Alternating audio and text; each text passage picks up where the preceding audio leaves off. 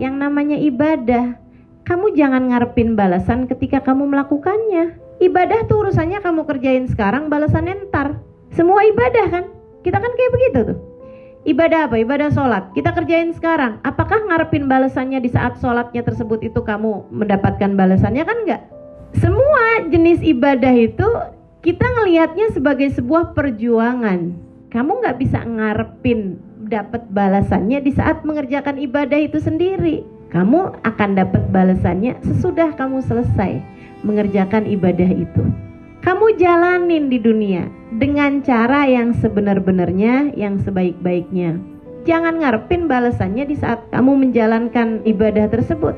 Balasannya kapan? Entar kalau udah selesai. Kapan udah selesai? Entar kalau kamu mati.